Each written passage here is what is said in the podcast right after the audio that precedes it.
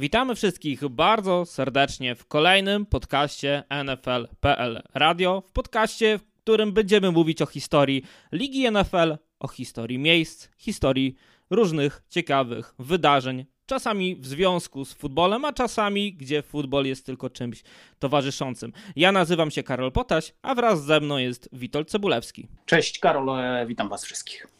Witku, e, na wstępie podziękujemy naszym 19 patronom, bo ten podcast, to wszystko, co w ostatnim czasie tworzymy na NFL Polska, też jest e, w dużej części zasługą naszych patronów. Mamy 19 wspierających, w tym najwyższym progu wsparcia jest Maciek Krzywda i Przemysław Nowak. Dziękujemy Wam bardzo, bardzo, bardzo serdecznie za to, że e, pomagacie nam w tym, byśmy byli coraz bardziej profesjonalni, w coraz większej ilości, na różnych streamingach dostępni, no ale też przede wszystkim e, coraz bardziej merytoryczni i też e, dzięki temu możemy się rozwijać i, i, i, tworzyć gdzieś takie podcasty jak właśnie ten. Jeśli chcielibyście dołączyć do naszych patronów, e, dołączyć też do specjalnej grupy na Facebooku i dołożyć cegiełkę do rozwoju e, NFL Polska, to bardzo serdecznie zachęcamy. Link znajdziecie w opisie podcastu i przy wszystkich postach związanych z nagraniem.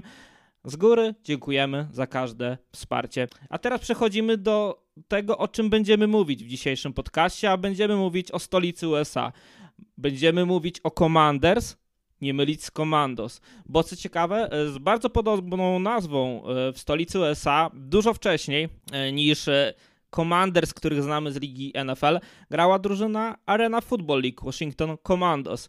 Bez sukcesów, e, jeszcze ona wtedy, bo te nazwy tej drużyny też się później e, zmieniały, tam później pojawiły się już sukcesy, ale jeszcze jako Commandos sukcesów nie było. Liga AFL, czyli Arena Football League, była ligą ciekawą, z moich pierwszych lat z futbolem amerykańskim. Pamiętam, że oglądałem ją często na antenach Eurosportu 2, była super efektowną. No i ty, Witku, chyba nawet miałeś okazję komentować. Powiedz, jakie wspomnienia masz związane z tym projektem i może z futbolem e, halowym w Waszyngtonie, bo jak wiemy, byli to wcześniej, na początku, Commandos w tych latach, e, z tego co pamiętam, e, zaraz, zaraz jeszcze sobie to odszukam, ale to były lata chyba tysiąc, tak, w, jeszcze przed moim urodzeniem. Valor, tysiąc... E, tak, Washington Valor to była taka ostatnia, powiedziałbym, inkarnacja drużyny tak.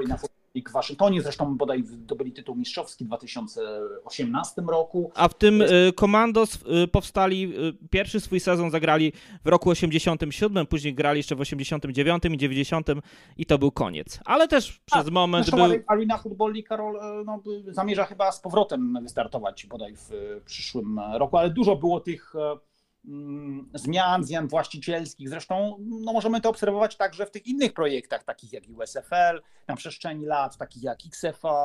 E, mm, to, był, to, była, to była na pewno ciekawa liga, ciekawy pomysł. Ona też to jest, e, warto to powiedzieć, na antenach Eurosportu gościła dość długo, bo to było dobrych kilka lat y, transmisji dość regularnych. Wydaje mi się, że to było jakieś 4-5 sezonów nawet. Dokładnie, tam były też mecze na żywo. Ja pamiętam, że ten finał był dostępny gdzieś tam chyba o drugiej w nocy na Eurosporcie 2 i też pamiętam, że wtedy zarwałem noc i komentowałeś chyba to nawet z Jędrzejem, z tego co pamiętam. Tak, Więc, tak, no, tak, ja to z Jędrzejem Stęszewskim. Chyba ostatni finał, który komentowaliśmy, to był e, finał właśnie na żywo, którym Spoken Shock e, zdobyli tytuł e, mistrzowski, czyli drużyna ze stanu tak, to, e, Washington. To się wtedy nazywało też... innym Waszyngtonie, ale, ale to właśnie był chyba jeden z ostatnich finałów i rzeczywiście on Arena Bowl, nie? Prime, tak, Arena Bowl, on był rozgrywany w prime time amerykańskim, czyli w okolicach godziny drugiej w nocy, z tego co pamiętam i tak masz rację, była transmisja na żywo w Eurosport 2. Zresztą Eurosport 2 wówczas był promowany przez takie hasło New Generation Sports. Tak, I między tak. innymi e, Arena Football League się w to dobrze wpisywała. To był zupełnie oczywiście inny futbol, bardzo dużo punktów, e, niezwykłe tempo, ten powiedziałbym e, sposób komentowania, sposób opowiadania o tym, ale także sposób oglądania był zupełnie inny. No, tak jak teraz e, oglądamy futbol flagowy i też e, ten sposób oglądania, patrzenia na ten sport, odbierania go, on jest też nieco inny niż taki standardowy, tradycyjny Y, nasz sposób odbierania każdej niedzieli, kiedy siadamy i, i oglądamy sobie mm, National Football League. No do wszystkiego się można przyzwyczaić, to jest e, jakaś, e, czasem odmiana dla jednych fajna, dla innych nie. Jedni, jednym, się to, jednym się to spodoba, drudzy zawsze będą wierni takiemu bardzo konserwatywnemu, konserwatywnemu podejściu. W każdym bądź razie no, to była fajna przygoda i, i, i sporo tych E, meczów udało mi się e, zrobić wtedy dla e, Eurosportu 2. Tak, no tutaj też pamiętam, że ogólnie sporo, może kiedyś w ogóle poświęcimy odcinek na też takie gdzieś ligi pomniejsze, które gdzieś w Stanach sobie trwają. Myślę, że do tych pomniejszych lig można teraz dorzucić XFL i USFL. E, możemy gdzieś właśnie to arenę League, która planuje podobno wrócić. Zobaczymy, jak to będzie wyglądać, ale e, bo naprawdę to były ciekawe projekty. E, w niektórych miejscach bardziej sprzedały się one gdzieś marketingowy, w innych mniej. W Waszyngtonie jest to chyba mniej, ale pamiętam, że bardzo miło i dobrze opowiadał mi kiedyś Łukasz Dudka o o tym, jak to wyglądało w Chicago i że... że Chicago sporo... Rush, tak. taki był zespół. I bardzo, wie... pamiętam, bardzo wiele osób tam przychodziło, też mówił, że bardzo często rodziny z dziećmi, bilety były bardzo tanie, też jak piłka na przykład wypadła gdzieś w trybuny, to można było sobie ją zachować, coś jak w baseballu, jak piłka wyrzucona po home runie, e, gdzieś tak, lądu... no bardzo dobry bezpośredni kontakt, to czego brakuje w NFL jako korporacji, tak, y, bliski kontakt zawodników z E, z kibicami, z sympatykami. To było coś, co charakteryzowało mm, Arena Football League. Taki kontakt na dotknięcie ręki, bo pamiętajmy, że zawodnicy często, powiedziałbym, wychylając się i e, przez tą bandę łapali piłkę, często nawet w kontakcie z e, kibicami. Czasem się zdarzało, że jakaś piłka rzucona przez rozgrywającego no, była złapana przez tego kibica, który siedział blisko bandy, a nie przez, a nie przez receivera. Także rzeczywiście masz rację, że ten taka, to doświadczenie kibicowskie, ono było e, wielkim e, plusem i e, takim elementem, który przyciągał na trybunę Arena Football League. Tak, tam też gdzieś zagnieździł się w pewnej chwili w Waszyngtonie Dan Schneider, czyli wtedy już właściciel Washington Redskins, teraz Washington Commanders, planował też tam swój zespół w AFL umieścić. Ten zespół miał, co ciekawe, nosić nazwę Washington Warriors. Co ciekawe, później ta nazwa Washington Warriors była jedną z głównych nazw typowanych do tego, że e, Redskins przejdą w Warriors. Nie wiem z jakich powodów to, to się nie wydarzyło, czy to, czy to były tylko spekulacje, czy faktycznie gdzieś miał to ktoś w głowie, by tak to e, zostało rozegrane. No ale Dan Snyder też tym biznesie próbował być, bo wielu e, amerykańskich biznesmenów próbowało być w biznesie AFL. Wiemy, że ta liga upadła, ale ma plan wrócić. Zobaczymy, jak to będzie wyglądać w przyszłości. Natomiast chyba warto już teraz przejść bezpośrednio do samego e, Waszyngtonu. Witku, mamy kilka punktów, o których musimy koniecznie dzisiaj opowiedzieć, ale tym najważniejszym i najnowszym, najświeższym grzeje wszystkich, chyba w całej lidze NFL, nie tylko w Waszyngtonie, to zmiana właścicielska, bo już wspomniałem, że Dan Snyder to obecnie wciąż właściciel Washington Commanders, ale to się ma za chwilę zmienić. Dlaczego i jakie są tego kulisy? No nareszcie może być, ja tak oddycham, nareszcie, bo e, rzeczywiście ta zmiana też, e, ona otworzy wiele możliwości dla Commanders, przynajmniej moim zdaniem będziemy też mówić o stadionie na, w, w tej audycji, ale to jest też pewien z elementów, jeden z elementów całej układanki. No to już było niesmaczne, znaczy wszyscy nie będziemy tłumaczyć i opowiadać całej historii, prawda, z tym, co się działo w ostatnich latach, jeśli chodzi o, o to, e, tą sytuację w, jeszcze, jeszcze w drużynie Redskins, tak, bo to się wtedy przecież zaczęło. E, no i o tych wszystkich aferach, o tych niesmacznych, e, powiedziałbym, zachowaniach e, mobbingowych, seksistowskich, rasistowskich, no, wszelkiego rodzaju,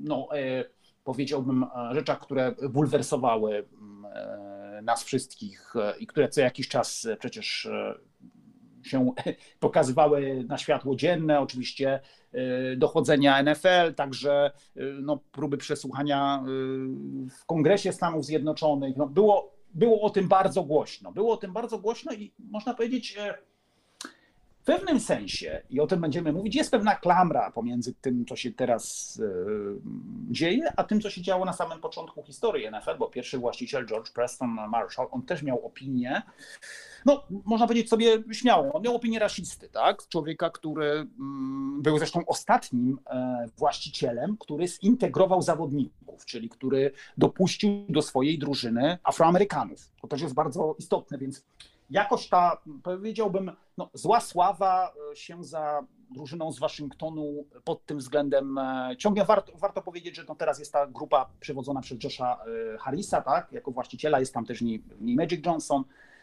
Te oficjalne, to, to ta już decyzja oficjalna i to oficjalne przejęcie własności przez tą nową grupę, no, no różnie się mówi, tak? Może nastąpić jeszcze przed rozpoczęciem sezonu, może nastąpić do końca tego roku e, kalendarzowego. W każdym bądź razie no jest to przesądzone, tylko czekamy na ten, no powiedziałbym, ostateczny moment, w którym będziemy mogli oficjalnie to powiedzieć, prawda? Nieraz już e, i w wielu przypadkach o czymś mówimy, tak, no ale mówimy, że to jeszcze nie jest e, do końca klepnięte. No i na to czekamy tak naprawdę, żeby nowa grupa przejęła Washington Commanders już teraz, drużynę. A wcześniej e, Redskins, która... a jeszcze wcześniej drużynę, która została założona w Bostonie jako Braves. Tak, jako Braves, jako Braves, potem jako z kolei e, Redskins, ale w Bostonie, no i później przeniesioną do ostatecznie do Waszyngtonu w 1937 roku. Zresztą wtedy George Preston Marshall mówił, że no, media w Bostonie poświęcały E, mniej uwagi drużynie bostońskiej wtedy niż jakimś rozgrywką niskiej rangi według niego dziewcząt, więc stąd była ta jego decyzja, aby przenieść się do stolicy Stanów Zjednoczonych. Zresztą no, w tym czasie niejako to odejście George'a Prestona Marszala jako właściciela z drużyną Redskins, e, no spowodowało przerwę, jeśli chodzi o e, drużynę, o Boston, jeśli chodzi o zawodowy futbol, no bardzo długą, bo to aż do 1960 roku, czyli kiedy e, powstała mm, American Football League. Sami Redskins z franczyzą byli związani, czyli ta nazwa miała aż 87 lat, później jeszcze przez chwilę, bo wypadło mi to z głowy, był to team futbolowy, czyli Washington tak, Football dwa, Team. Dwa, dwa sezony, tak, dwa sezony, przejściowe aż do, aż do Commander. Zresztą no, ja, no ja właśnie jestem ciekawy, Karol, twojego zdania, bo różne były zdania na temat tego mm, od zmiany tej nazwy, tak? Czy to powinna być zmiana tej nazwy, jednak z Redskins, czy nie? No jestem ciekawy jakby twojej opinii. No. Wiesz, Witku, doskonale, że światem rządzi kasa, rządzi biznes i po śmierci George'a Floyda wiedzia wie, wszyscy wiedzieli, że świat już nie będzie taki sam po tych wszystkich ruchach, które były jakby kontynuacją tego, co się wtedy wydarzyło. Wiemy, że e, Amazon, Walmart, oni zaczęli wycofywać wręcz asortymenty e, ze swoich półek e, z logiem Redskins, że zrobiła się spora nagonka na to, by to zmienić. Zresztą to nie tylko Redskins dotyczyło, bo też było, e, dotyczyło jednej z drużyn grających w MLB z Cleveland Indians, coś, coś w tym stylu, tak e, więc oni też musieli zmienić nazwę. W tym samym momencie w CFL też była drużyna Eskimos, też musia, musiano jakby to nazwę zmienić. No to były takie czasy, że chyba nawet nie patrząc na właściciela, e, gdzieś e, próbowano po prostu wiązać ludzi, jakby nie powodować e, czegoś, co może gdzieś kogoś krzywdzić po prostu. Jeżeli można to nazwę zmienić, to trzeba to zrobić. E, nie do końca zresztą z, Waszyngtonu się jakby chyba na początku z tym godził, ale później, no mówię, jak wielkie marki zaczęły wycofywać swoje produkty związane e, z Redskins ze swoich półek, jak e, FedEx, e, który podpisał umowę na 27 lat na to, by mieć nazwę sponsorską na tym obiekcie Redskins. Ten kontrakt zresztą opiewał na 207 milionów dolarów. Wtedy wydawały się to ogromne sumy. Teraz pewnie byłaby to szansa, by takie, takie sumy osiągnąć w kilka lat, a może nawet za chwilę w jeden rok, no bo tak NFL się gdzieś tam rozwinęła. No ale jak ten kontrakt został podpisywany, no to wiadomo było, że że, że wtedy Redskins to się bardzo opłacało.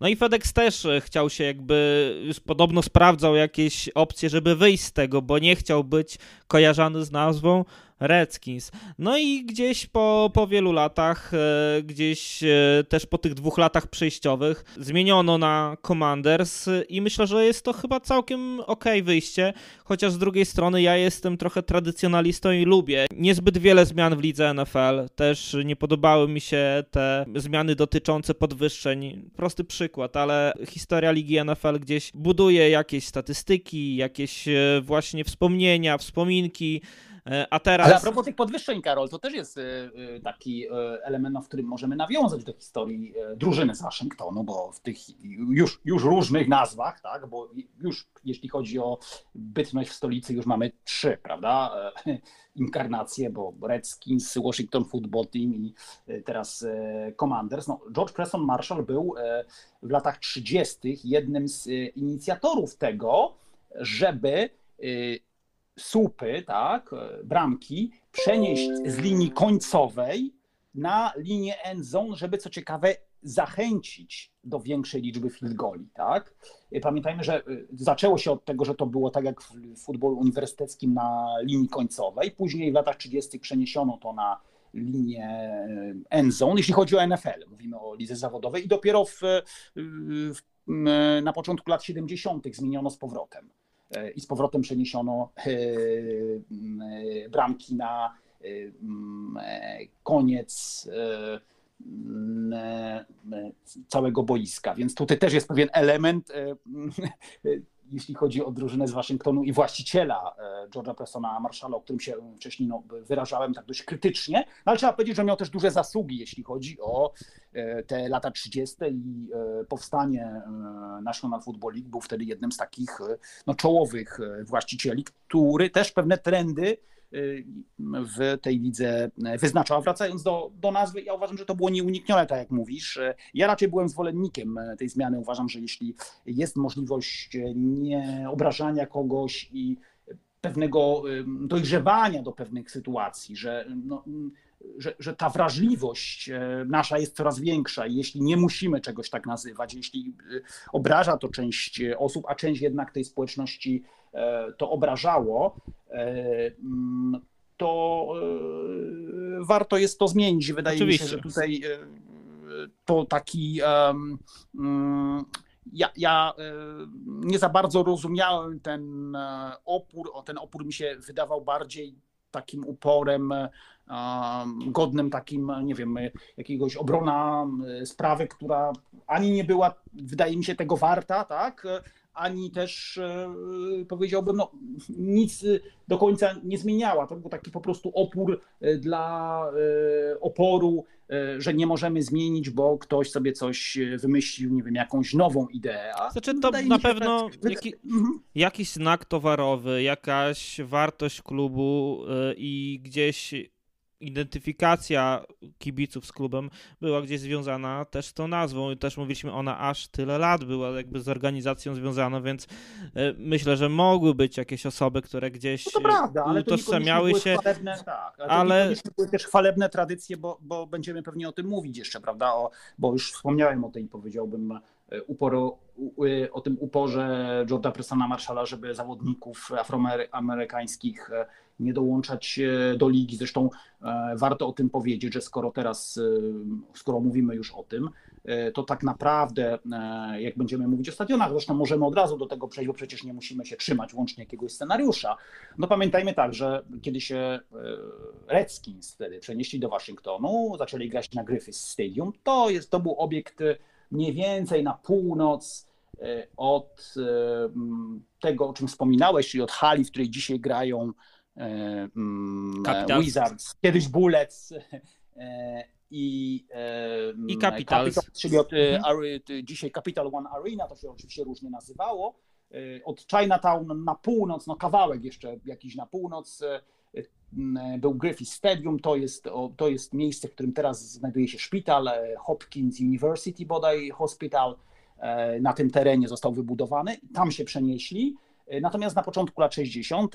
powstał e, stadion e, blisko Anacostia River, bo wiadomo, że w Waszyngtonie mamy Potomac i Anakostia, zdecydowanie już bliżej takiego typowego, powiedziałbym, no, tego miejsca charakterystycznego dla Waszyngtonu, czyli National Mall, wprawdzie nie w bezpośredniej okolicy, ale już bliżej Kapitolu, obiekt, który się na początku nazywał DC Stadium, a mm, później przyjął nazwę Robert Fitzgerald Kennedy Stadium, czyli RFK Stadium. I wtedy, kiedy ten obiekt powstawał, to e, sekretarz, e, mm, e, który pracował w administracji Johna Fitzgeralda Kennedy'ego wówczas, Steve Ulo bodaj, on był tak zwanym sekretarzem mm, takich dóbr, którymi zarządza rząd federalny, między innymi parków narodowych i pewnych terenów. Ten teren, na którym jeszcze stoi, bo też za chwilę o tym powiemy, RFK Stadium, bo on w tym roku będzie burzony, w tym momencie już jest systematycznie e, wyburzany. Można kupić zresztą jakieś e, jeszcze pamiątki z tego RFK Stadium w tym roku. W tym momencie nawet, dokładnie jak mówimy, trwają takie prace powolne, rozbiórkowe tego obiektu. E, to w momencie, kiedy ten obiekt został zbudowany właśnie na terenach federalnych, czyli na terenach, które są, e, na terenie, które są właścicielem, który jest rząd federalny, nie stan, nie miasto, tylko rząd federalny. I Steve Udall, wówczas sekretarz do, powiedziałbym, który zarządzał tymi terenami, e, razem z oczywiście z prezydentem Kennedy, niejako zagrozili wówczas George'owi Prestonowi Marshallowi, że nie pozwolą grać Redskins na tym obiekcie, jeśli on nie zintegruje drużyny, czyli jeśli nie dołączy zawodników afroamerykańskich, a przecież był to już początek lat 60., już e, wiele e, drużyn, prawie wszystkie drużyny już miały wówczas obok, poza Redskins afroamerykanów. I w pierwszym sezonie mm, jeszcze się z tego udał wycofał, bo George Preston Marshall był uparty, no ale powiedział mu, że jeśli od 60 sezonu do 62 nie włączy E, mm, nowych, e, znaczy zawodników afroamerykańskich, e, no to wtedy po prostu będzie zakaz gry na tym obiekcie dla Redskins. No to spowodowało, że w drafcie George Preston Marshall wybrał Afroamerykanina, bodaj chyba Davisa, którego potem wymienił, no ale ostatecznie Bobby Mitchell wtedy przyszedł do E, mm, e, Washington Redskins był taką pierwszą afroamerykańską gwiazdą e, drużyny z Waszyngtonu. Zresztą George Preston Marshall stał się jednym z jego wielkich fanów, no, bo jako właściciel no, widział, ile Bobby Mitchell wnosi do drużyny, ale tutaj mamy te pewne elementy, prawda, które nas łączą, tak, z tym, co się potem działo paradoksalnie z Danem Snyderem i z jego różnymi ekscesami, czy też wyczynami, a z tym, co działo się w latach, kiedy George Preston Marshall był właścicielem. No i warto też powiedzieć, jak, jakie były tego przyczyny. Raz, że rzeczywiście miał on opinię mm, człowieka takiego bardzo, powiedziałbym, no konserwatywnego to chyba złe słowo, bo tutaj rasizm chyba no, no, no nie, nie jednak z tym nie, nie wiąże, ale pamiętajmy, że e, tym wszystkim, w tych jego poglądach był też taki element merkantylny, dlatego że pamiętajmy, może to dziwnie zabrzmi, ale w momencie, kiedy w 1937 roku e, George Preston Marshall przenosił drużynę z Bostonu do Waszyngtonu, to wówczas NFL to była taka troszeczkę zabawa wschodnio-wybrzeżowo-midwestowa. Y, Nie było gdzie indziej drużyny. I tak naprawdę przenosząc się do Waszyngtonu, nagle ta drużyna znalazła się, była najbardziej południową, jakby to dziwnie nie zabrzmiało. Ona była najbardziej na południu Stanów Zjednoczonych. Wiele y, meczów wtedy, dzisiaj nazywanych przedsezonowych, a wtedy takich sparingów przed sezonami, właśnie y, ówcześni Redskins grali w tych południowych Stanach. I George Preston Marshall uważał, że po prostu no, skoro na, na południu no, jest ten duży duża obawa i, i, i powiedziałbym, te poglądy są zdecydowanie bardziej rasistowskie i przeciwne desegregacji, to y, no, jako powiedziałbym Redskins, y, no im to pasuje, że nie będą mieli Afroamerykanów, no bo dzięki temu zdobywają sobie kibiców w tym jego naturalnym e, zapleczu kibicowskim, bo pamiętajmy, że przez to, że Redskins wtedy grali na, y, w tych Stanach Południowych te sparingi, a nie było innych drużyn e, na południu Stanów Zjednoczonych, no to po prostu e, to często było taki, Redskins byli taką drużyną, e, której ludzie na południu, często o bardzo właśnie konserwatywnych poglądach, no, żeby nie powiedzieć no, pełnych takiej bigoterii, kibicowali. George zresztą Preston Marshall był taką osobą, która no, powiedziałbym, no, nie należała może do najbardziej poukładanych. Jego żona, znana aktorka, powiedziała, że o nim, że to był Marshall, Marshall without plan, tak? Czyli to był Marshall bez planu, tak? Nawiązując do planu Marszala, tak? Który też w tamtych czasach, czyli pod, na początku lat 50. powstawał, czyli tego wielkiego planu pomocy krajom Europy Zachodniej, który niejako miał zatrzymać wpływy sowieckie w Europie. Więc e, no, jest takich sporo e, podobieństw pomiędzy tym, co działo się e, na początku historii drużyny z Waszyngtonu, a paradoksalnie, a tym, co działo się ostatnio, no bo w międzyczasie mieliśmy jeszcze te, te lata największych sukcesów. I tu Era mi się wydaje... Jacka Kenta Cocka, tak? Tak, tak, jako właściciela, to nie wspomniałeś, no i głównie Joe Gibbsa jako szkoleniowca, bo mi się wydaje, że też chyba o tym trochę zapominamy, Karol, że na te wszystkie jakby problemy, tak, te kwestie, które działy się i afery, i zachowania niedopuszczalne nieakceptowalne, które się działy za czasów y, Dana Snydera jako właściciela, dołączyła się jedna rzecz. Jego, za jego kadencji, która już mija jako właściciela, no Redskins, tak, no bo głównie Redskins, ale także Washington Football Team, nie odniósł żadnych sukcesów, tak, więc to też się może nałożyło na to, że dużo mówiło się właśnie o nazwie, tak? Y, bardzo dużo się mówiło o tych aferach, natomiast y, no, nie mówiło się praktycznie w ogóle o y, sukcesach futbolowych, bo te ostatnie lata, ostatnie wielkie sukcesy, no to są te lata od 88, prawda?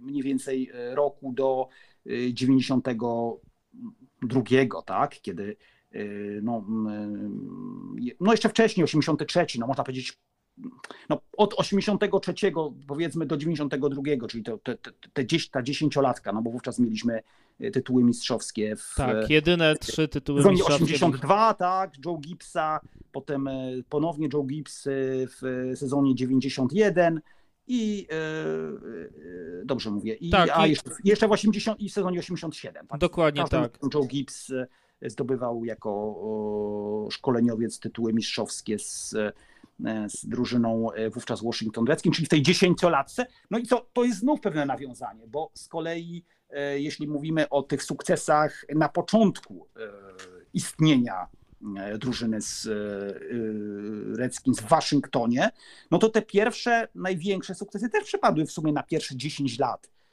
gry, w, czyli też taki jakby odstęp dziesięcioletni dał dużo sukcesów drużynie z Waszyngtonu, bo w 1937 roku. I to zresztą rok założenia tego, tego, tego, tej organizacji przenosin, od razu. Przenosin, przenosin z, tak, tak, po, tuż po przeniesieniu. Tak. Czyli y, w 1937 się przenoszą do Waszyngtonu na grę I od razu. w tym samym roku odnoszą sukces, zresztą prowadzeni przez i o tym też musimy powiedzieć, jako rozgrywającego przez samego Ba, bo w 1937 roku się przenoszą, w drafcie w bodaj z szóstką jest wybrany rozgrywający wówczas małej uczelni, mm, takiej powiedziałbym bardzo prowincjonalnej, dzisiaj już znanej z sukcesów futbolowych, czyli TCU, e, Texas Christian University, rozgrywający e, Sami Ba, który jest e, postacią niezwykle niedocenianą. Ja powiedziałbym, posunę się nawet do, do, do tego, że powiedziałbym, że to jest zawodnik, który śmiało może być wymieniany w gronie takich postaci, przynajmniej moim zdaniem, jak Johnny Unitas, jak Peyton Manning, jak Tom Brady, być może teraz nawet, e, jeśli dołączymy do tego, chociaż ja nigdy nie lubię dołączać wciąż grających graczy, no ale myślę, że Patrick Mahomes też ma się szansę w tym gronie znaleźć, bo Sami Ba przedefiniował e, rolę rozgrywającego. To był pierwszy taki rozgrywający, który podawał na dużo yardów. Pamiętajmy, że to też George Preston Marshall, ówczesny E, właściciel e, e, Redskins, drużyny z Waszyngtonu razem z George'em Halasem, oni w 30 latach dokonali tej zmiany, że, że, że rozgrywający mógł podawać już z każdego miejsca za linią wznowienia akcji, a nie koniecznie, bo wcześniej była taka, tak, taki rygor, że musiał być jeszcze 5 yardów za linią wznowienia akcji, żeby podawać. I Sami Ba był pierwszym takim zawodnikiem, który przedefiniował rolę rozgrywającego, czego wymagamy od rozgrywającego. Slinging, E, sami go nazywano. Po prostu to był zawodnik, który no, w tym pierwszym swoim e, występie w finale NFL podał na 335 yardów. To były wówczas, nawet dzisiaj byłaby to, byłby to wyczyn, ale wówczas no, to były rzeczy niesamowite. Wówczas po prostu tyle się nie podawało. To była taka e, gra, w której bardzo dużo biegano z piłką.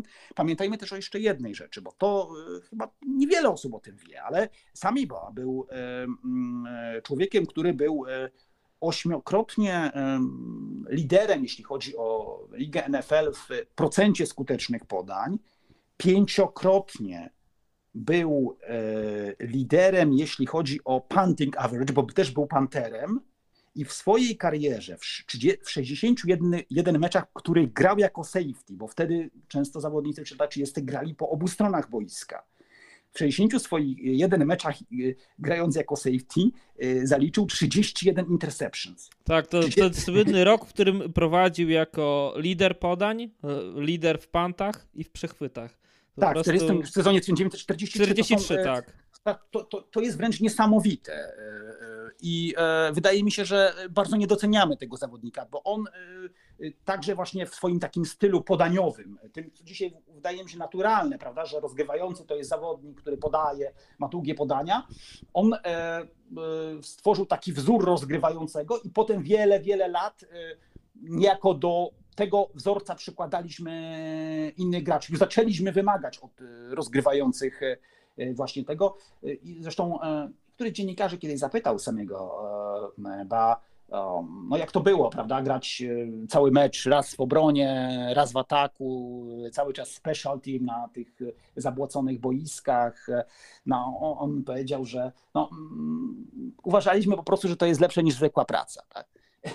No tak. Więc dlatego, dlatego e, lubił to robić, chociaż e, wątpliwości można mieć, bo wiemy, że w tamtych latach, mówimy o latach 30., wielu z kolei ludzi, którzy mieli szansę na karierę zawodową w takich zawodach jak adwokat, bycie adwokatem czy, czy, czy prowadzenie biznesu, no oni jednak często porzucali zawodowy futbol dla tych, powiedziałbym, lepszych zajęć. Ale akurat na szczęście w przypadku e, e, samego tak się nie stało. Zresztą Peyton Manning wspominał, że w 2000 roku, kiedy pamiętajmy w 99 został wybrany Peyton w drafcie Sports Illustrated, Mm, e, robił takie, e, takie teksty wraz z zdjęciami i kojarzył e, byłych, dawnych, dawne gwiazdy z nowymi gwiazdami. I akurat przypadła Peytonowi rola pojechania do Raton w stanie Teksas na, na farmę należącego, należącą do Sami Bo E, no i wspominał e, Peyton, że jeszcze wtedy bardzo ciekawie z, e, właśnie z samym, bo rozmawiał dużo o futbolu i, i, takie wrażenie odniósł, że no, przy wszystkich tych różnicach, które dzieliły lata 30. od już początku XXI wieku, to jednak no, futbol jest cały czas tą samą grą i, i, wiele takich ciepłych słów o mm, samym e, Bo powiedział, a, a, sam Bo też miał takie bardzo fajne poczucie humoru, bo pamiętajmy, on też wziął udział w takim trochę no, niesławnym dla Redskins e, finale, bo mówimy tutaj o zwycięskim finale z 1937 roku, ale w e, rok, dobrze mówię, nie, w 40, 1940 roku w, właśnie na Griffith Stadium drużyna prowadzona przez Leja Flaherty'ego, bo on był też Mm, człowiekiem, który doprowadził do tych e, tytułów mistrzowskich na przełomie lat 30. i 40. E, Waszyngton, spotkali się z Chicago Bears George'a Halasa i w 40 roku ulegli 73 do zera. No, to, jest... to, był, to był co ciekawe też pierwszy mecz, który był radiowo transmitowany na całe Stany Zjednoczone. Ale tam była taka ciekawa historia, że przy stanie 7 do 0 Y, Sammy Bo podał, no praktycznie już podał na touchdown i odbierający y, upuścił y, futbolówkę w endzone, czyli było 7 do 0 dla Bears, była szansa na to, żeby od razu odpowiedzieć. odpowiedzieli i po meczu któryś z dziennikarzy właśnie mm, zadał takie pytanie samemu, bo no tak, no to był mecz, mógł być cały czas mecz, no ale mm, kiedy właśnie odbierający upuścił tą piłkę, no to się ta sytuacja cała posypała. No i jak sądzisz, do, zapytał do samego, bo jak sądzisz, no jakby się to zakończyło, gdyby rzeczywiście ta piłka została złapana na touchdown. No a sami bo powiedział, no cóż, no przypuszczam, że przegralibyśmy, ale 73 do 7. Dokładnie, no więc cały czas e, jakby stojący twardo na nogach. Zresztą. E, ale, ale wybitna postać, wybitna postać naprawdę. I, i jest jeszcze jedna ciekawostka związana z tym e, rozgrywającym. Też coś, co dzisiaj wydaje nam się jakby taką normalnością, że jak mamy piłkę gdzieś w red zone, czy w jakimkolwiek innym miejscu i, i piłka jest rzucona, odbija się gdzieś od słupka to podanie jest niekompletne, ale w latach, e, w, roku 1945 Mm, była, e, była historia, gdzie piłka rzucona przez właśnie e, wspomnianego przez ciebie rozgrywającego e, uderzyła w słupek tej bramki, odbiła się w strefie końcowej, no i została zatrzymana przez zawodnika z drużyny przeciwnej i to było uznane wtedy za safety. Tak, tak. I Cleveland Rams między innymi dzięki temu w tym finale, które był toczone w bardzo takich trudnych, zimowych, no, mroźnych warunkach, Cleveland Rams dzięki temu pokonali w finale w 1945 roku właśnie Washington Redskins. 15-14, e, dokładnie. Tak, ten, ten, te safety było kluczowe. I po, tak tym, po, tym, e, po tym meczu e, później już uznano, że zawsze taki rzut, gdzie piłka odbije się od słupka e, jest niekompletne i, i to się stało, e, zostało nazwane później regułą właśnie e, nazwiskiem wspomnianego przez ciebie rozgrywającego i marszala, więc... Tak, a w 42 roku, jeszcze przypomnijmy, w 37 roku to jest pierwszy tytuł samego Bo i, i, i Rora Flaherty'ego i Washington Redskins, natomiast 1940 to jest drugi, 42, 1942, tak, 42. drugi tytuł mistrzowski i wtedy z kolei też, e, jeśli chodzi o drużynę z Waszyngtonu w e, polu pokonanym są Chicago Bears, podobnie jak w 1937 roku. No i wtedy z kolei sami Boza słynął pantem, no, powiedziałbym z takiej normalnej formacji, czyli nie z formacji e, pantowej, tylko tak zwane, jak to niektórzy nazywają to w takim e, slangu futbolowym quick punt. I to było zagranie bardzo istotne w takim meczu, w którym było mało mm, punktów, bodaj 85-jardowy łącznie ten punt, więc to pokazuje, no jaki to był atleta, jaka to była fenomenalna postać. I tak jak mówię, my tak, często... Tak, teraz często te panty możemy widzieć na boiskach polskiej futboligi, bo często drużyny próbują grać takie zmyłki, tak. gdzie rozgrywający kopią te panty po prostu, a wtedy to było coś zupełnie nowego, innowacyjnego, no i 85 yardów z takiego tak, e, jakby nie na biegu nawet, to, to było coś wielkiego. To prawda, to prawda I, trzeba to sobie jasno powiedzieć, bo my oczywiście mamy taką tendencję, żeby patrzeć na te największe gwiazdy, te obecnie, które, które są, e, powiedziałbym, jesteśmy świadkami ich gry albo niedawno zakończyły karierę ale ja bym powiedział tak, postawiłbym taką jakby, powiedziałbym hierarchię, jeśli chodzi o właśnie zawodników, którzy przedefiniowali patrzenie na pozycję rozgrywającego, to powiedziałbym e, Sami Bo, potem Peyton Manning, e, a e, Teraz już być może e, będzie to e, Patrick Mahomes cały czas z zastrzeżeniem, że jeszcze kariery nie zakończył, ale ma na to szansę, żeby przedefiniować rolę rozgrywających. I wydaje mi się, że rzeczywiście Sammy Bo jest taką postacią, e, której się należą, należy się wielkie uznanie i wielkie docenienie i wcale się nie dziwię, że niektórzy są tacy wśród szczególnie tych starszych dziennikarzy, którzy jeszcze się odnoszą do historii, czy też wprawdzie już nie pamiętają, jak sami bo grał, ale y, mm, no, uważają i są tacy, którzy uważają właśnie, że to sami Bo jest y, najlepszym zawodnikiem w y, historii National Football League, tak jak są tacy, którzy uważają, że był na przykład John United, a niekoniecznie Peyton Manning, Tom Brady czy też Patrick Mahomes. Warto zawsze o tym pamiętać, że jakby futbol się nie zaczął w 99 czy 2000 roku, tylko zaczął się znacznie wcześniej i e, to nie jest zawsze tak, że e, powiedziałbym, musimy tych, tych starszych e, mm, graczy traktować z takim pobłażaniem, bo ktoś może powiedzieć, że ta wtedy był futbol wolniejszy, słabszy, no ale pamiętajmy też, ile ci zawodnicy robili, prawda? Tak jak mówiliśmy o sami, bo on grał w każdej formacji, tak? czyli zarówno w ataku, w obronie, jak i czasem jako Pantera czasem pantował z formacji tej po prostu zwyczajnej, takiej podaniowej, w której normalnie rozgrywający podaje na pewno czapki z głów i być może jeszcze, Karol, kiedy będziemy mieli okazję robić jakiś odcinek o różnych zawodnikach, tak, o tych gwiazdach byłych National Football League. Myślę, że w ogóle taki osobny odcinek też by się e, samemu bo przydał, bo jeszcze też sporo tych e, anegdot mam, no ale to musimy też, powiedziałbym, e, mm, jeszcze powiedzieć, myślę, na pewno o kwestii stadionu, prawda? Do... Tak, tak, tak, ale jakby przejść troszeczkę można gdzieś tam momentem tym historycznym, bo później pojawiły się takie no nie ma co ukrywać, średnie lata dla, e, dla, dla ekipy z Waszyngtonu do czasu, gdzie w klubie pojawił się Joe Gibbs, trener Joe Gibbs, który ten swój okres w, w zespole zwieńczył trzema tytułami mistrzowskimi 82 e, rok, 87 i 91, tak jak wspomniałeś, te, te dziesięciolatki i też właściciel drużyny, bo wtedy mm, właścicielem był wspomniany wcześniej prze mnie, przeze mnie Cook. Ta historia, te dziesięciolatki miały ogromny wpływ na organizację, ale pomiędzy ten okres e, między jednym i, jedną tą dziesięciolatką, a tą drugą, to był taki mierny czas. No i myślę, że teraz też można powiedzieć, że to jest bardzo mierny czas czas e, dla drużyny z Waszyngtonu. E, jak uważasz, Witku, dlaczego tak się stało, że te, te okresy tak się pojawiły w Waszyngtonie? Czy Twoim zdaniem jest to przypadek, czy gdzieś e, jakaś kolej losu, która miała jednak swoje przyczyny?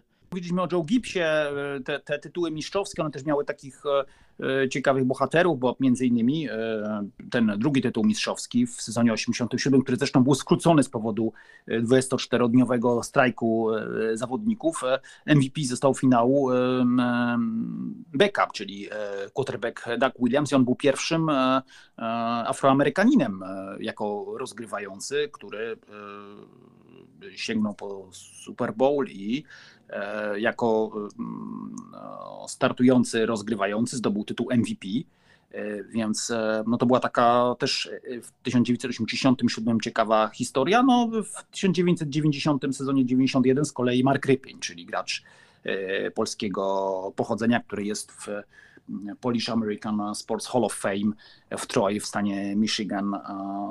Mm, to jest też postać związana z i to jest jakby mm, postać, która no, ma polskie korzenie. On z kolei został MVP e, tego e, zwycięskiego dla mm, Redskins e, Super Bowl, który był rozegrany na początku 1991 roku w e, Minneapolis.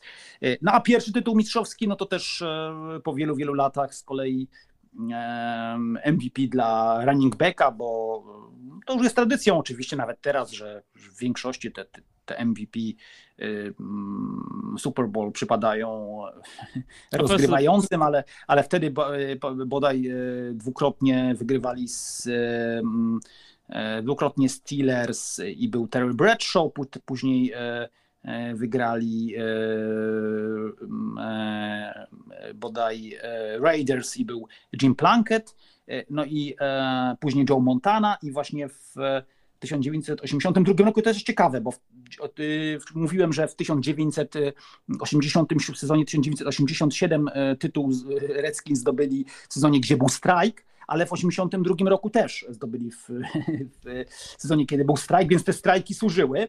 E, Redskins. No i wtedy MVP został John Riggins i on miał też taki doskonały mecz wtedy w, w, w, w Super Bowl, e, ponad 150 yardów, e, świetne spotkanie. No i wtedy po, po wielu, wielu e, sezonach powiedziałbym MVP dla rozgrywających zdobył go running back, no co wiemy nie jest takie częste w National Football League. No ale przejdźmy może Karol do tych stadionów, bo ty zapytałeś mnie, do tego wrócę, prawda? Mhm. Do tego, co się stało. Y, myślę, że ważnym elementem, oczywiście no, jest pewna mm, kwestia związana z tym, że no, różne zespoły mają swoje lata yy, tłuste, lata chude i wiemy o tym dobrze. Natomiast yy, ta przeprowadzka do yy, Landover, myślę, że ona jest takim zawodem, bo pamiętajmy, że wtedy, kiedy się przeprowadzali Redskins, no to była wielka sprawa, no bo to był w tym momencie największy obiekt w NFL. To miała być jakaś nowa jakość. To jest bardzo ciekawa historia, bo to jest tak naprawdę miejscowość w stanie Maryland. Mówię o Landover, tam dojeżdża Orange Line, czyli linia metra główna z Waszyngtonu, więc on to jest dobrze skomunikowana. Ja, ja, ja, w tym miejscu byłem. To mniej więcej od tej stacji metra jest jakieś no, no trzeba przejść około no niecał, nie, niespełna mili, żeby dojść do tego stadionu. Natomiast ta okolica nie jest zbytnio ciekawa, tam w okolicy się niewiele dzieje. E, mm, I e, no, wydawało się, że to będzie jakaś nowa jakość. Prawda? No, to był taki trend, żeby no, wyprowadzać drużyny z miast. Tak, ten po, początkowo ten obiekt też, no tak jak mówisz, to był obiekt nowoczesny na tamte czasy. Tak. Ponad 90 tysięcy miejsc e, było przygotowane. Największy w tym momencie, kiedy, kiedy powstawał, prawda? Tak, więc ogromny kolos. E, no i wydawało się, że, że on gdzieś będzie też takim czymś, co będzie napędzać drużynę. E, oczywiście później po latach gdzieś to się zmieniało, teraz e, niecałe 70 tysięcy może tylko przychodzić kibiców, ale też e, bardzo często nie jest on nawet wypełniony do końca. Ostatnich latach widzieliśmy, e, że ten obiekt, obiekt jest już w trochę, a może nawet bardzo opłakanym stanie.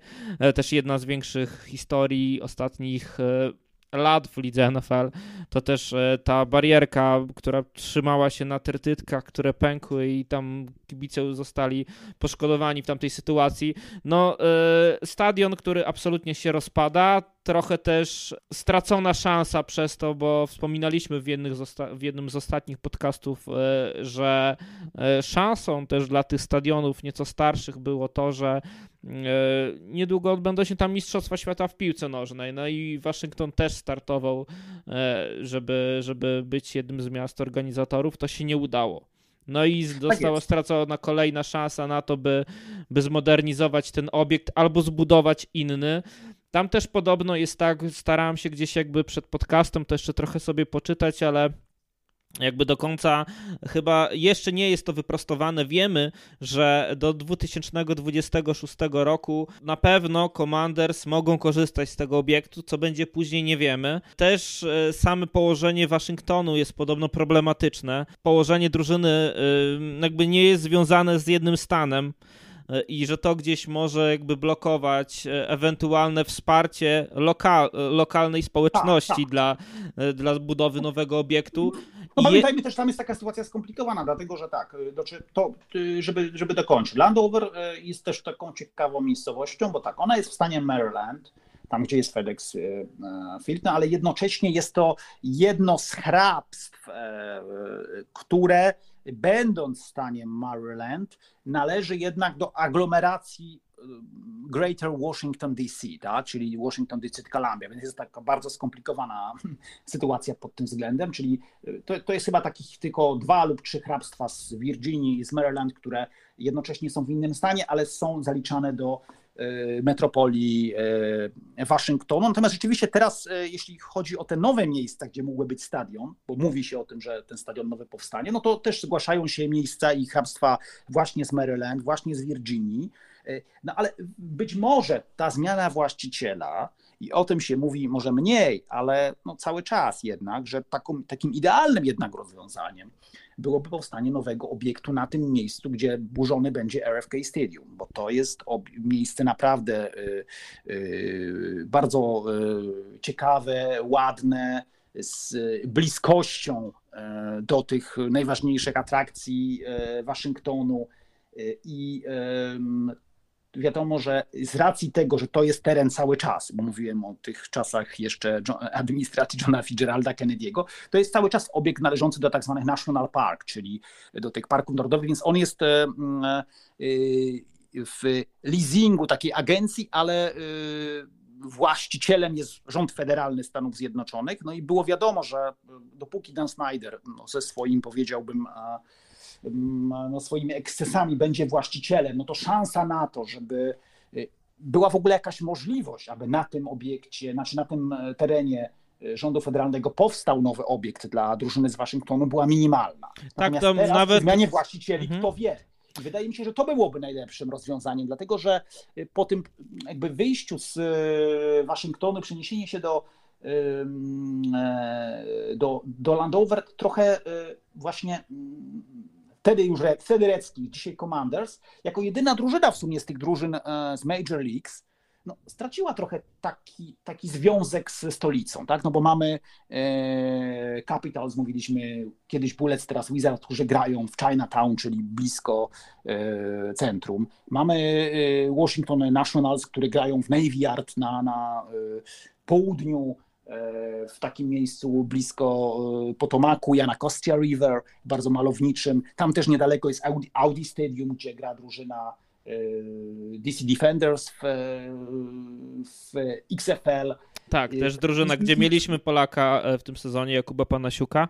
Zresztą całkiem fajnie ten stadion się wypełniał na meczach XFL, co tak było, jest, było tak jest. trochę... Szczególnie kiedy było cieplej, to trzeba tak. obiektywnie, obiektywnie powiedzieć. Natomiast rzeczywiście e, jako jedyny z tych zespołów e, ówcześni Redskins, potem przez jakiś czas teraz Washington e, Football Team, no i e, w końcu Washington Commanders, jakby stracili przez tą niebytność w Waszyngtonie taki kontakt z właśnie lokalną społecznością, ze stolicą. Ja bym to trochę porównał, oczywiście zachowując wszelkie proporcje do tego, co działo się E, w Detroit, kiedy y, Lions się przenieśli do Silverdome, tak? Czyli też na dalekie przedmieścia. E, ja bym nawet powiedział, że 49ers jak się przenieśli z centrum do, e, jak teraz na Levi Stadium i tam też przez długi okres czasu było tak, że jest daleko, jest to jednak tak. trochę wyrwany z, ser z serca. Tak, jakby. jest to bliżej, obiekt jest ten, bliżej jest, ten, ten obiekt jest bliżej San Jose niż, niż San Francisco, prawda? Dokładnie tak i to trochę tak gdzieś wyglądało, no jakby też, ale też warto, ja też jestem za tym i też e, jakby mam podobne zdanie, że właśnie Dan Schneider był też takim e, takim kimś mówiącym, że nie dajmy e, wsparcia mu, róbmy wszystko, żeby on nie otrzymał tych pieniędzy, bo jakby wszyscy widzieli, jak to, jak to wygląda. I oczywiście były jakieś groźby, że może zabrać nawet drużynę z Waszyngtonu. Jakby nikt poważnie tego sobie do końca nie brał, no ale pojawiły się gdzieś takie, takie, takie gdzieś też historię, no ale w tym momencie, kiedy co prawda jeszcze nie jest sfinalizowane te przekazanie tej, e, tego, e, tego klubu do, dla nowych inwestorów, no to wydaje się, że to będzie taki oddech, który może sprawić, że, że gdzieś wszyscy na nowo uwierzą w samą organizację e, Waszyngtonu, bo nie wiem, czy to dalej będzie Commanders, czy jeszcze ta nazwa gdzieś będzie zmieniona. No i gdzieś to, gdzieś pociągnie to kolejne swoje jakby etapy na tej drodze do pewnie czegoś dużego, fajnego i dobrze scentralizowanego, też tak zaklimatyzowanego ze społecznością, która jak nawet widzimy po przykładzie DC y, Defenders, tak jak wspomniałeś, y, owszem, wtedy, kiedy pojawiło się cieplej, oni się pojawili, ale byli dosyć regularnie wypełniającą grupą y, kibiców i to była Liga XFL. A jak przyjadą największe gwiazdy, to też pewnie, pewnie tego zainteresowania nie zabraknie. No i co jeszcze warto powiedzieć, też o samym przekazaniu, jakby dlaczego też tak jest, że, że nie wszyscy chcieli przekazywać e, pieniądze dla Dana Schneidera na nowy obiekt, czy dokładać mu się do biznesu. E, no oczywiście są kwestie społeczne, gdzie też ludzie mówią jakby, no, że dajmy na szkoły albo dajmy na inne jakby inwestycje, które mogą gdzieś tam działać dla społeczności, a nie na stadion i na biznes Dana Schneidera, no bo tak to było jakby jest postrzegane, jeśli gdzieś e, społeczność lokalna dokłada się do obiektów, ale sama liga NFL, bo to to jest chyba najważniejszym problemem. Wiemy, żeby te problemy mm, związane z tym rasizmem, e, maile, które wyciekały przy okazji, e, gdzieś pociągając za sznurki Grudena, czyli trenera, trenera Raiders, bo właśnie z, ze śledztwa, które jakby było prowadzone wobec Dana Schneidera, jakby te, te maile, które wyciekły, po, pociągnęły za sznurki e, też Johna Grudena, więc e, to przez to on stracił tę robotę, bo te maile gdzieś wyciekły mm, i już go w lidze NFL nie widzimy, ale nie to było, tak wydaje się przynajmniej, tak jak gdzieś tu analizowałem też przed samym podcastem, e, to dlaczego ten klub zostanie sprzedany bądź dlaczego szanse, że nowi właściciele nie zostaną zaakceptowani przez ligę NFL to jest pewnie mniej niż procent, bo podobno Dan Schneider prowadzi jakąś lewoksięgowość. Podobno prowadził jakieś dwie księgi rachunkowe, gdzie oszukiwał na wpływach, gdzie właściciel... Tak, bo to, było ten, to jest ten, ten powiedziałbym ostatni... Um chapter, ja już e, szukam angielskiego, jest ostatni rozdział tych różnych, e, powiedziałbym, afer związanych z e, jeszcze raz. I to był gwóźdź do trumny, tak bo tam wydaje. Rzeczywiście no, trudno było się do czegoś nie, przy, nie przyczepić, tak? Co powiedziałbym sezon, co nawet kilka weeków w tych ostatnich sezonach pojawiła się nowa rewelacja związana z Danem Snyderem i, i powiedziałbym jego zarządzaniem, tak? On w pewnym czasie też jakby żonie oddał, prawda? To, to żeby się niby lekko odsunąć od tego zarządzania zespołem i, i, taką bycia taką postacią flagową, jeśli chodzi o mm, drużynę z Waszyngtonu. Myślę, że to dobrze, tak? Ja bym bardzo chciał, tak, żeby bo naprawdę warto, to od razu powiem, warto zobaczyć Waszyngton. To jest jedno z moich ulubionych miast w Stanach Zjednoczonych. Myślę, że gdyby na tym miejscu, gdzie mm, jest RFK Stadium, gdzie jest właśnie teraz Y, burzony i likwidowany. Gdyby na tym miejscu y, powstał nowy obiekt, y, to mogłoby być naprawdę coś spektakularnego. I e, byłoby to, powiedziałbym, e, no, był ten podkreślony ten związek z miastem, z całym National Mall, bo z tego stadionu e, też jest piękny, mógłby być piękny widok właśnie w kierunku Kapitolu, w kierunku pomnika Waszyngtona, w kierunku Lincoln Memorial.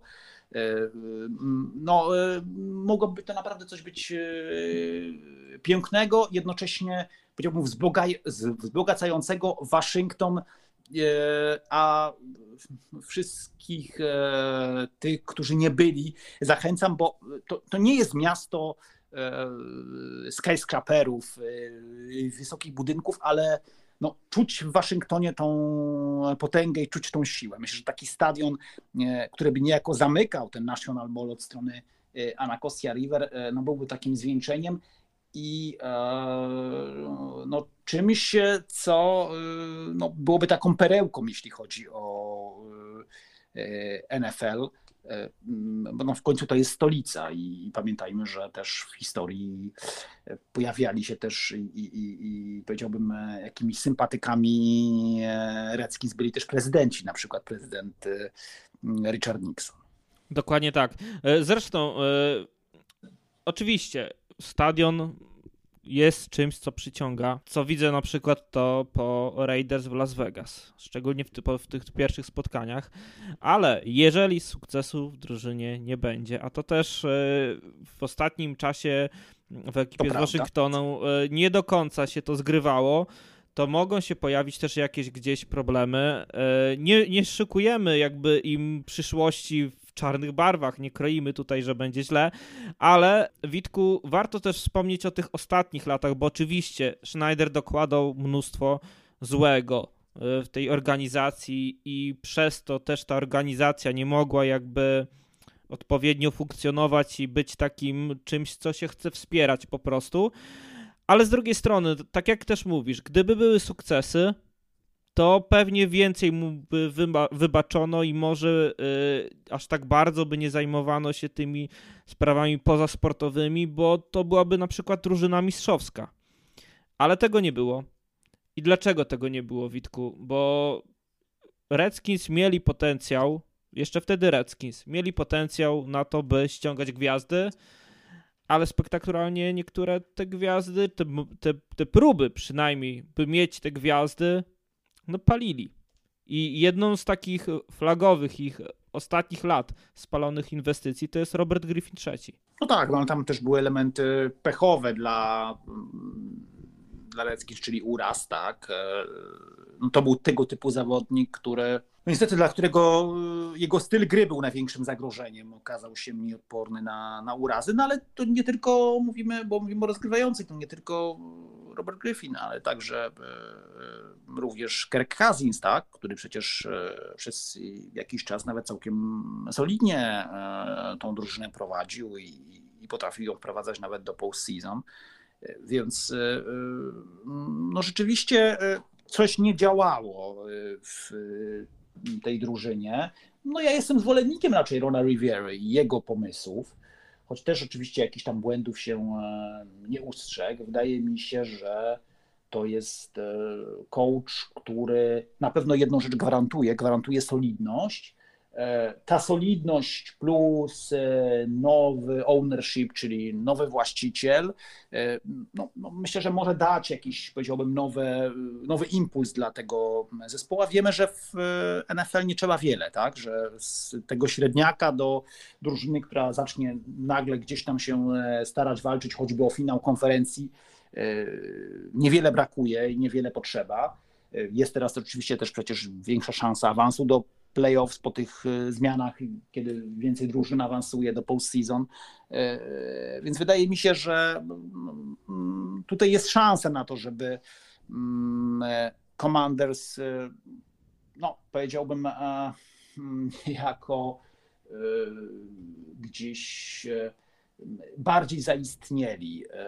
Nie, nie, wiem, jakie jest Twoje zdanie o, o, o Ronie Rivierze. Ja uważam, że że to jest szkolenie, który robi dobrą robotę i ja nie uważam na przykład tego ostatniego sezonu za jakiś sezon stracony dla, dla Commanders. Zdecydowanie tak, tylko że inwestycje, które robią Commanders też, oczywiście mówimy, że rozgrywający to nie jest cała drużyna, ale jednak e, pamiętam te czasy, jak był Kirk Cousins w drużynie i dla jednych jest to super rozgrywający, dla innych jest to przeciętny, ale jednak jakąś e, taki poziom trzymał. I też pamiętam, że grał dobre sezony i nigdy drużyna nie potrafiła się z nim dogadać co do nowego kontraktu.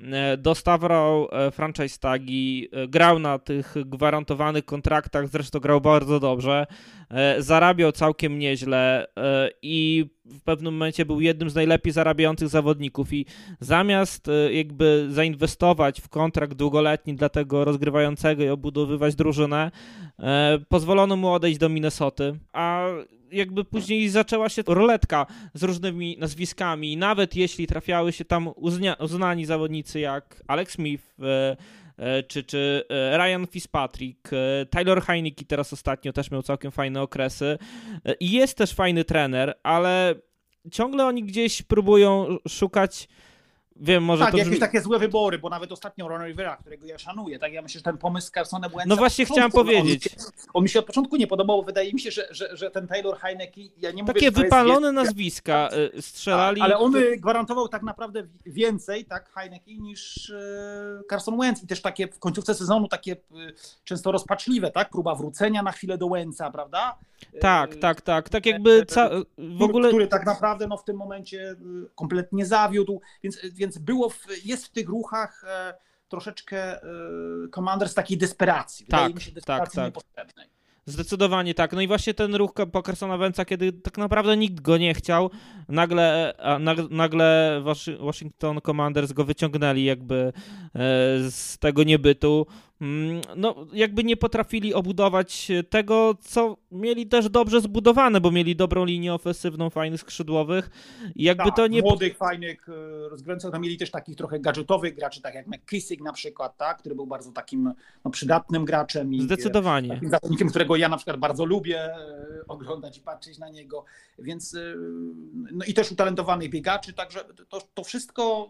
No, było na swoim się, miejscu i wydawało się, że są to. Trochę przekombinowane. Tak, tak. I chyba tego spokoju też w tej drużynie trochę brakuje. No zobaczymy, jakie będą kolejne lata e, w Waszyngtonie. Też pewnie na miesiącach, tygodniach e, mówi się, że do końca roku ta zmiana właściciela zostanie jakby oficjalnie już e, dokonana.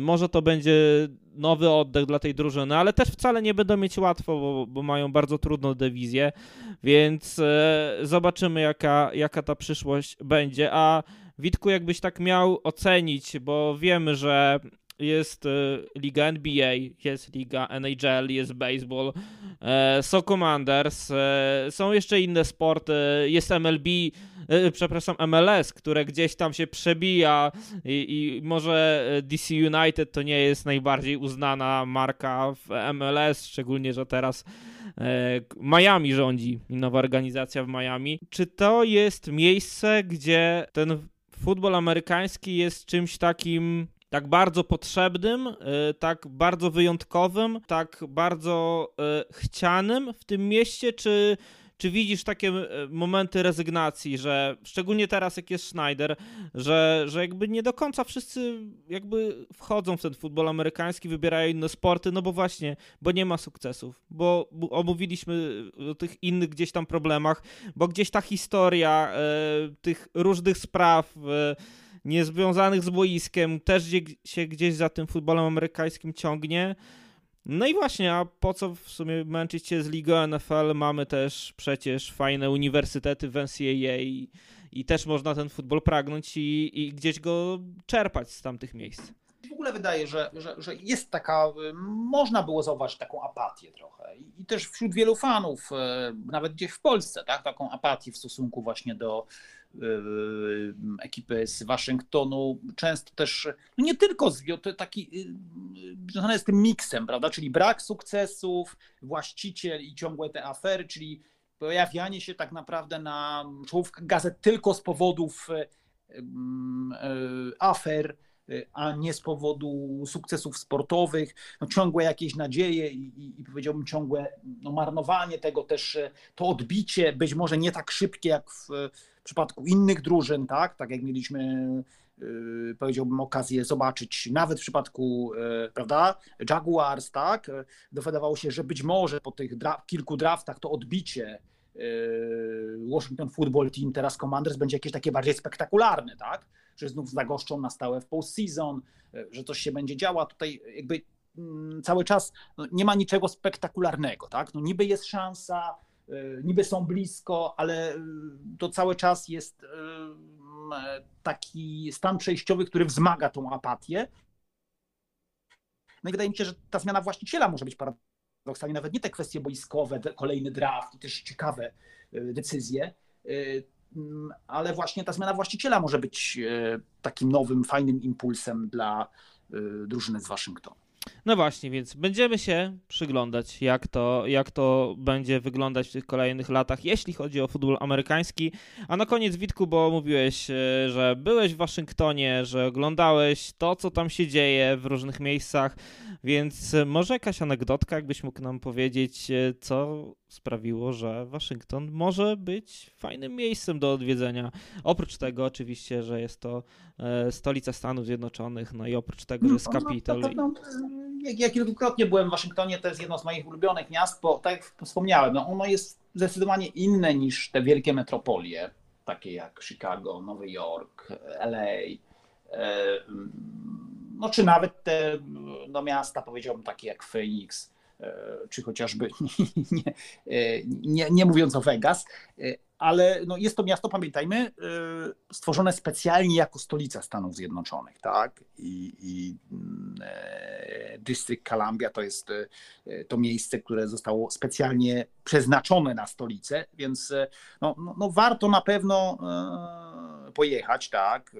tu bym doradzał zatrzymać się gdzieś w hotelu blisko National Mall, czyli tego miejsca, gdzie są wszystkie i muzea, i właśnie Lincoln Memorial, i e, słynny memoriał wojny w Wietnamie, a także wojny koreańskiej, który jest takim bardzo ciekawym i może bym zachęcał do zobaczenia właśnie memoriału wojny koreańskiej, bo on jest takim bardzo ciekawym memoriałem, no, który robi duże wrażenie, no, ale trzeba po prostu tam być i zobaczyć. No, powiedziałbym w międzyczasie między zwiedzaniem e, tych wszystkich e, atrakcji też e, no warto w, też powiedziałbym skorzystać z jakichś kwestii związanych z gastronomią. Ja zawsze korzystałem z takiego pawilon cafe, on jest niedaleko muzeum historii amerykańskiej i historii